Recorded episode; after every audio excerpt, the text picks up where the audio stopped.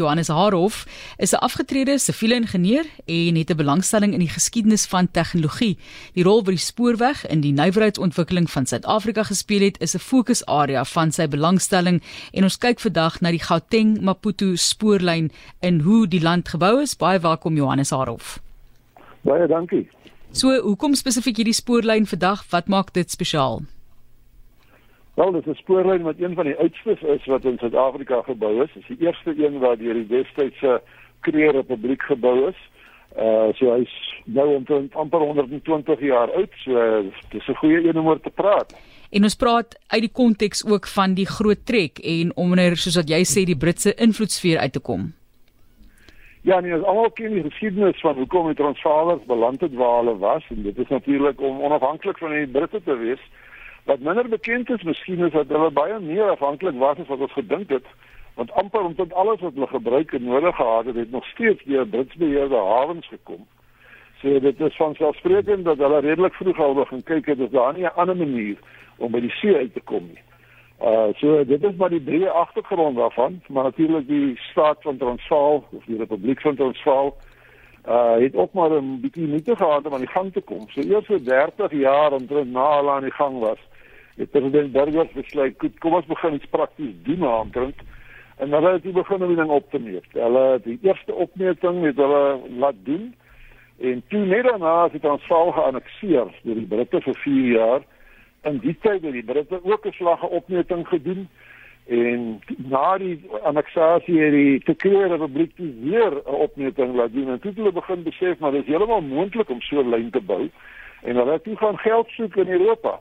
En so is die Nederlandse Suid-Afrikaanse spoorwegmaatskappy, Nizam soos ons vandag sommer kortweg sê, so het hy gestig in Europa en met 'n klomp kapitaal het hulle Suid-Afrika toe gekom en hier teen 1889 daar rond was alles nou reg. Die roete was bepaal, die ding is opgemeet, daar was genoeg geld en hulle het ingekom in Mosambikers en hulle sou toe 'n lyn bou tussen Pretoria en Lorenzo Marx, die name van destyds natuurlik, maar Putu soos jy dit noem. Uh in die lyn se totale lengte sou so amper 600 km gewees het. Omtrent 83% sou oor die Transvaalse grondgebied gegaan het en daarvoor natuurlik sou Zazen dit hulle sou daai stuk hanteer het. Ja. En die ander 17% deur Mosambiek. Vertel vir ons nou Mosambik, jammer om hierdie te val Johannes, jy gaan vir ons nou vertel oor die bou van die Oosterlyn self. Vertel vir ons van die bou en voltooiing daarvan en ons kyk nou al na 1889. Ja. Die Mosambiekse gedeelte is gebou deur die Mosambiekse spoorwegmaatskappy. Sy naam is mooi nogal die Camino de Ferro, uh, de Mozambique, met ander woorde die Eysterpad. Hulle het stuk gebou, hulle dadelik begin En hulle het 'n redelike maklike stuk gehad. Tegnies gesproke, dis maar 'n plat kusvlakte, so hulle het redelik gou in die Komatipoort aangekom en dis waar hulle gestop het. Die Transvaalse mense moet natuurlik die grootste gedeelte van die lyn gebou het. En hulle het dan van albei kante af begin, soos mense sou kon verwag. Die een punt van Komatipoort af en die ander punt van Pretoria af. Maar dit was nie so maklik nie want die al die materiaal wat hulle nodig gehad het moes met die tuin aangery geword het van van van Mosambika van die een kant En van die Pretoria kant was daar nog eers 'n trein nie. So die goede deur die Londen hawe ingekom en met 'n trein opgepikkel tot in Transvaal en daar van af met Ossewaans en allerlei maniere moes die materiale toe langs die spoorlyn beland. So dit het maar bitter stadig gegaan. Inteendeel, eh, dit was 'n 5 jaar kontrak uh van die begin af. Hulle moes die einde van 1894 klaar wees. Na 4 jaar verby was. Dan het hulle nog net 'n jaar oor Ek het nog net 40% van die ding gebou. En toe natuurlik die pessimiste gesê die ding gaan nooit klaar kom nie.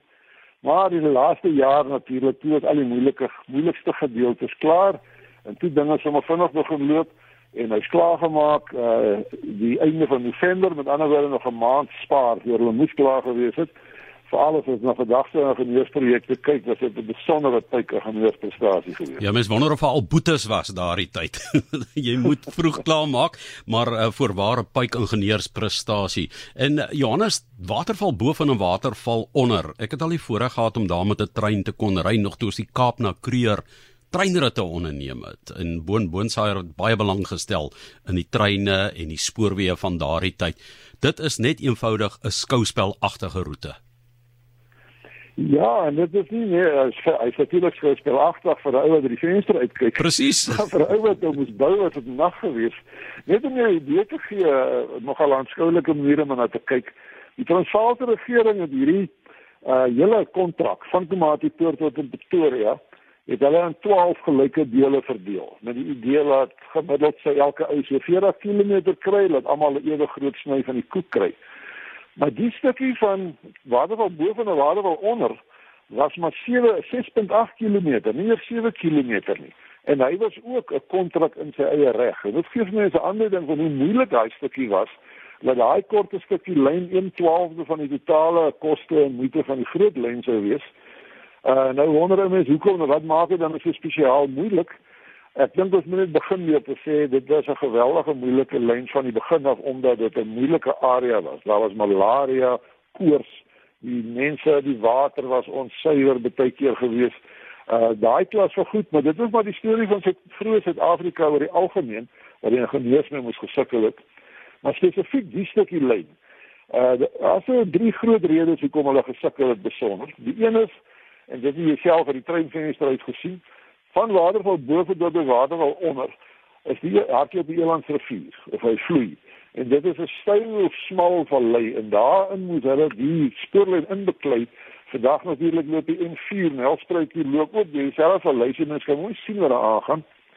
Ehm um, so dit is nie 'n baie ongemaklike plek gewees en daar was ook uh die riviere was diep dongas gewees en dis hoekom hulle 'n pragtige brug moes bou die sogenaamde vyfboogbrug dis 'n brug van gemesselde klip wat besonder mooi en netjies is en hy staan vandag nog in al sy glorie daar mense kan hom baie maklik besoek en die brug is 'n uh, intendeel as 'n nasionale monument al in 63 verklaar die tweede groot rede natuurlik was dit is is vrek styl Ja, daar is 200 meter of meer verskil tussen die waterval bo en die waterval onder. En nou kan mens ook verstaan waar die hoë en die laafveld bymekaar kom, né? Dis presies daar. En dan sou mense die lyn perfek egalig teen 'n konstante helling sou bou. Sou hy nog steeds te styl gewees het vir 'n gewone stoomlokomotief. Sy wiele sou gegly het. So toe moet jy nou 'n ander plan maak. Nou wat moet ek doen as hulle uit die helfte van daai stukkie omtrent het hulle 'n sogenaamde tandrad spoorlyn gebou. Ehm um, die tandradstelsel beteken maar net die lokomotief het 'n spesiale getande aandrywingsrad gehad. En die ding loop op die spoor ongeveer soos 'n fietsratte nie in 'n fietsketting kan gly nie. Jy weet so tand hy in die die uh, spoor in en hy kan nie gly nie. Dis dis 'n uh, uh, um, Johannes eintlik baie algemeen in die Alpe, hulle gebruik dit in daardie gedeeltes baie. Dit reg ja. Nee, die oorsee is dit uh, baie algemeen intendeel, maar hierdie een was die eerste een in Suid-Afrika uh en ook die eerste een in Afrika. Inteendeel, ons het nooit weer in Suid-Afrika se spoorweg geskiedenis so ding gebruik nie. En alhoewel maar die die die probleme die ding is dat die lokomotiewe is baie spesiaal en hulle is vrek stadig want hy moet nou tandjie vir tandjie moet hy daar opkleuter. Maar in elk geval die tandradspoor was uh, was nogal 'n unieke Suid-Afrikaanse aanwending geweest wat ook maar sy eie probleme gebring het. En die derde uitdaging, daar was nie 'n ander manier nie. Hulle moes 'n redelike lang tonnel bou. 200 oor die 200 meter. Maar die probleem met 'n tantrad trein en 'n stoomlokomotief in 'n lang tonnel is wat maak jy nie rook. Die mense het letterlik sy versmoor het in die tonnel omdat die trein so lank in die tonnel moet staan en sukkel om deur te kom. En hulle die voorvoormaatreëls daarvoor is hulle het die drywer en die stoker met spesiale gasmaskers toegerus en hulle moes die vensters van die passasierswaens baie mooi verseël voor hulle in die tonnel inbeweeg. En die ander manier wat die ingenieurs probeer het om die probleem daarom so bietjie te verlig, van om die tonnel nou van die een kant van die berg aan die ander kant van die berg te maak, het hulle 'n lang uitgrawing gemaak van amper 800 meter lank. So hulle die trein so lank as moontlik in die oop kon loop voor hy dan uiteindelik in die tonnelgedeelte ingaan. Nou daai tonnel natuurlik is vandag ook 'n nasionale monument. Hy is in 1862 uh verklaar as 'n monument. Dis amper soos jy diep asemhaal voor jy in induik en kyk hoe lank jy onder water kan bly. Dis dieselfde beginsel. Dis eintlik 'n fantastiese storie van deursettingsvermoë van ons ingenieurs uh, prestasies wat ons behaal het al en wat ons so maklik vergeet in Suid-Afrika. Ons kyk ons so vas teen die negatiewe goed en ons tog net baie keer gaan stil staan en dink ook wat ons al vermag het en ehm um, as 'n mens dit kan gebruik en vorentoe gaan dan is dit ehm um, dan is dit absoluut fantasties. So daardie spoorroete ehm um, die het daar na die Elandsrivier toe se kant hier in 1908 rond begin. Ja kyk die die die eerste spoorlyn, die ou spoorlyn wat ek nou van gepraat het, loop aan die suidekant, heelkant aan die een kant van die Elandsrivier. Hy is in 1895 as hy oopgemaak. Uh maar hy het 13 jaar geloop want die tandrad trein die, die lokomotiewe begin ingee en dit was 'n moeisame stadige proses want eintlik het jy nou drie spoorlyne gehad. 'n Reguit stuk van Pretoria af, dan die tandrad stuk daar waar ons nou oor gepraat het en dan weer 'n reguit stuk. Toe in 1908 het hulle verlê na die noorde kant in die spoorlyn en dis waar die lyn vandag nog loop. En nou daai uh, 1908 lyn is weer 'n slag in 1965 met die moderner tegnologie van daai tyd wat 'n elektriese lyn is, is hy weer 'n slag opgegradeer. Uh so dit is 'n projek wat voortdurend opgegradeer, gemoderniseer, goed in stand gehou is. Maar die wonderlike ding is dat die ou gedeelte wat waar vandag weer nou nie meer treine op is nie. Dis eintlik die beste plek in die hele Suid-Afrika om 'n ou spoorlyn te gaan bekyk, want dit is 'n kort afstand en jy sien al hierdie goed die brug en die tandrad en die tonnel en die uitgrawing en die waterval al hierdie goeie se uh, kan jy letterlik in 'n middag stap wat ons intendeel al gedoen het. Uh dis 'n besondere plek om te besoek en een van die mooi sigbare dele van die ingenieurswese. Johannes Harof met wie ons gesels, 'n afgetrede siviele ingenieur met 'n belangstelling in die geskiedenis van tegnologie, die rol wat die spoorweg aan die nywerheidsontwikkeling van Suid-Afrika gespeel het, is dan 'n fokusarea van sy belangstelling. Jy sal onthou as die professor vir die wat 'n bietjie klas gehad het, maar om af te sluit Johannes.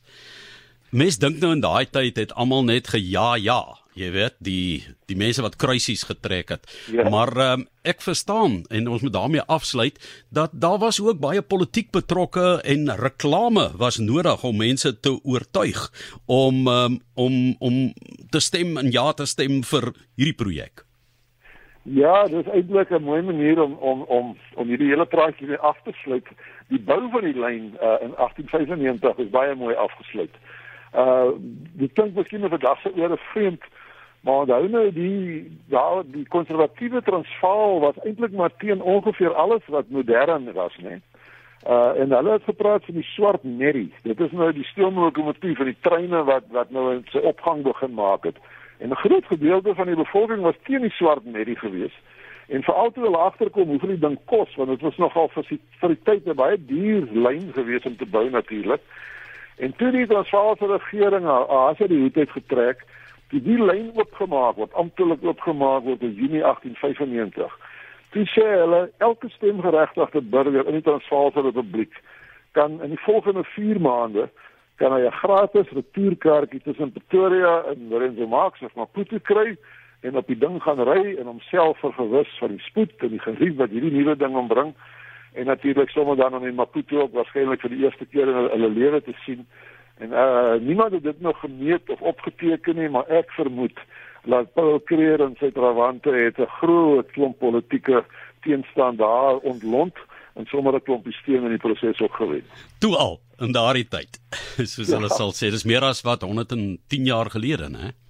Ja, is lank terug. Ja, ja. Baie dankie. Dit was werklik interessant om so 'n bietjie daai deel van die land weer te ontdek saam met um, Johannes Harof, professor Johannes Harof. Hy's 'n afgetrede siviele ingenieur met 'n belangstelling in die geskiedenis van tegnologie dan en um, ook die spoorweg in die nywerheidsontwikkeling van Suid-Afrika.